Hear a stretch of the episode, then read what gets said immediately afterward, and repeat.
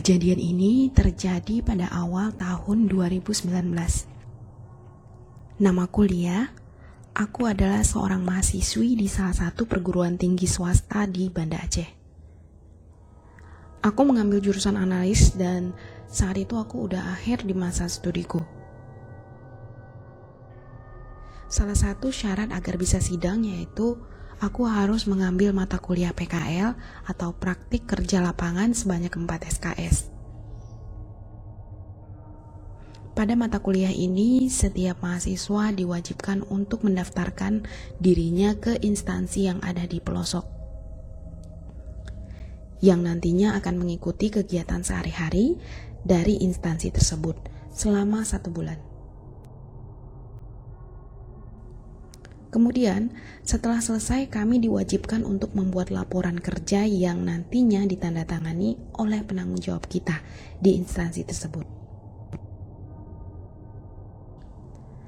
Kebetulan saat itu aku punya saudara yang berprofesi sebagai perawat senior di rumah sakit yang ada di Aceh Timur, tepatnya di Kota Langsa. Jadi melalui beliau aku mendapat kontak yang bisa dihubungi untuk bisa memasukkan berkas permohonan PKL. Kira-kira seminggu setelah memasukkan berkas, alhamdulillah aku mendapat jawaban positif dan diperbolehkan untuk magang di sana. Kegiatan PKL-nya berada di pelosok desa yang ada di Aceh Timur. Aku sengaja memilih di daerah ini karena jika ada apa-apa, mudah untuk menghubungi saudaraku yang ada di kota tadi. Jadi nggak terlalu sendirian gitu.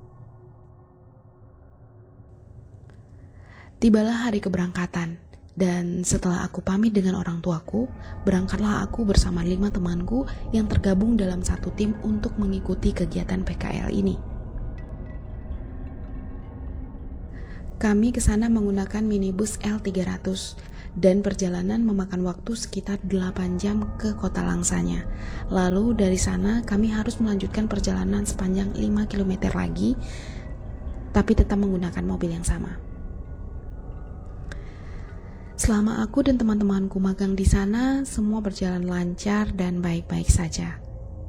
Hanya saja kejadian yang tidak disangka-sangka justru terjadi saat aku lagi ada masa senggang dan berkunjung ke rumah saudaraku yang ada di kota Langsa.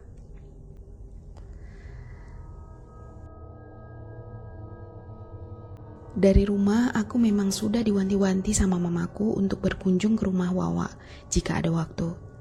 Ya sekalian silaturahmi ya, karena emang udah lama banget tidak jumpa.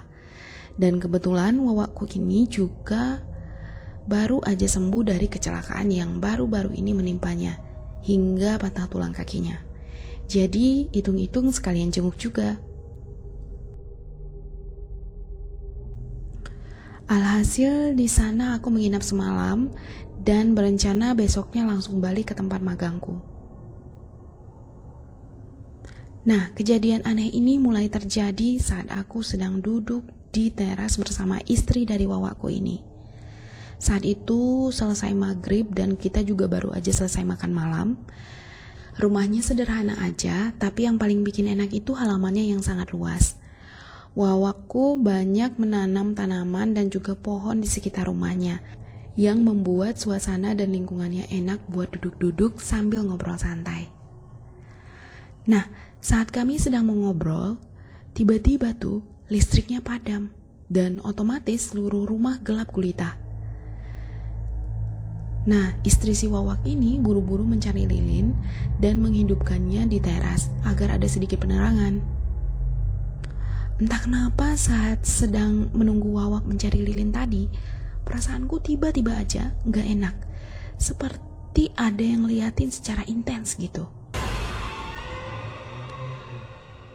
Cuma aku berusaha tenang aja sambil menunggu si Wawa kembali.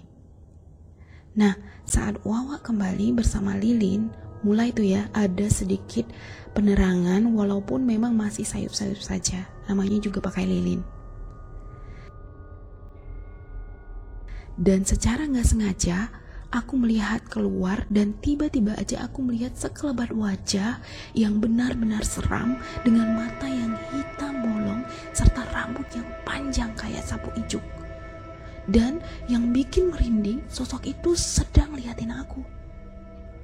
Aku langsung kaget dan secara nggak sadar memegang tangan istri si Wawak tadi sambil melihat sesekali ke arah penampakan tadi untuk memastikan. Nah, ternyata yang kulihat tadi batang pohon yang memang mirip banget dengan kepala orang. Istri si Wawak ini sempat kebingungan dan bertanya apa aku baik-baik saja.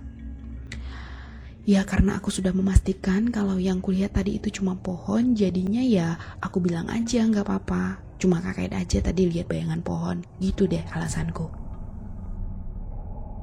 Gak lama kemudian aku dan Wawak juga saling mengobrol seperti biasanya.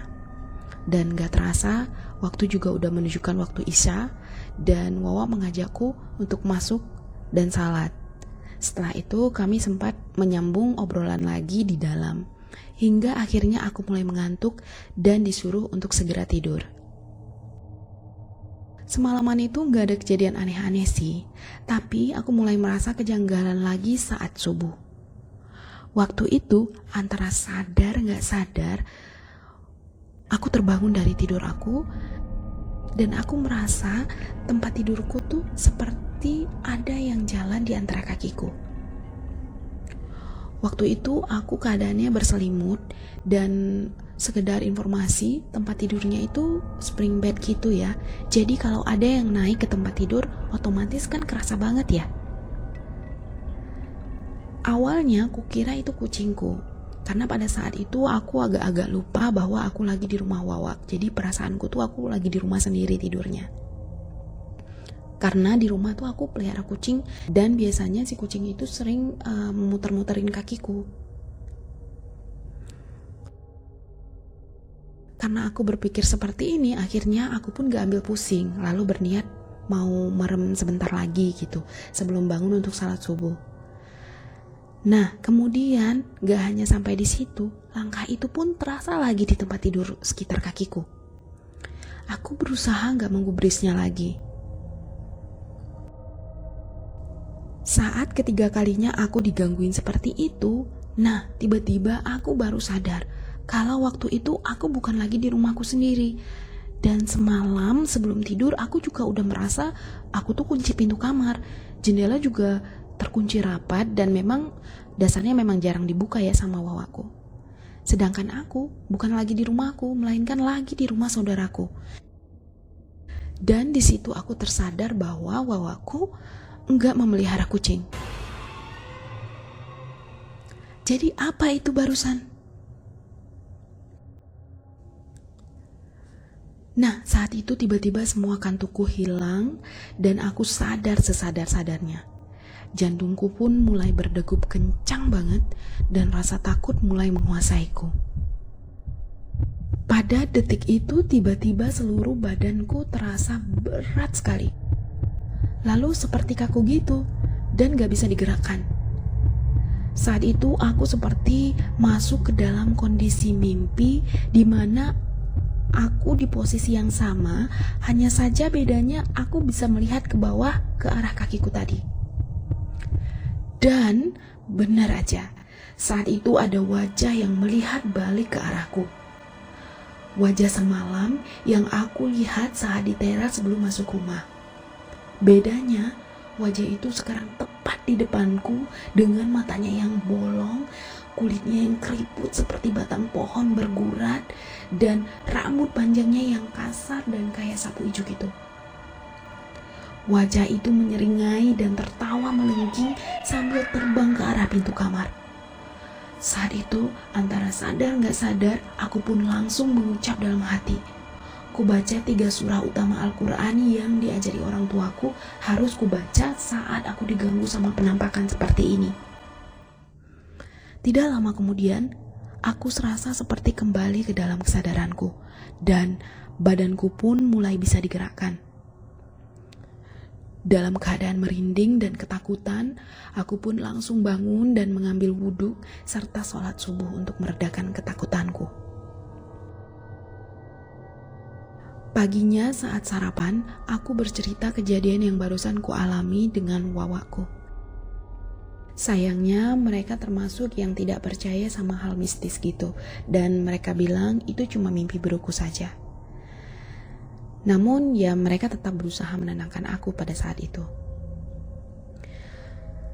Nah, masih dengan perasaan yang gundah, Paginya aku langsung kembali ke tempat magangku dan berusaha melakukan kegiatanku seperti biasanya.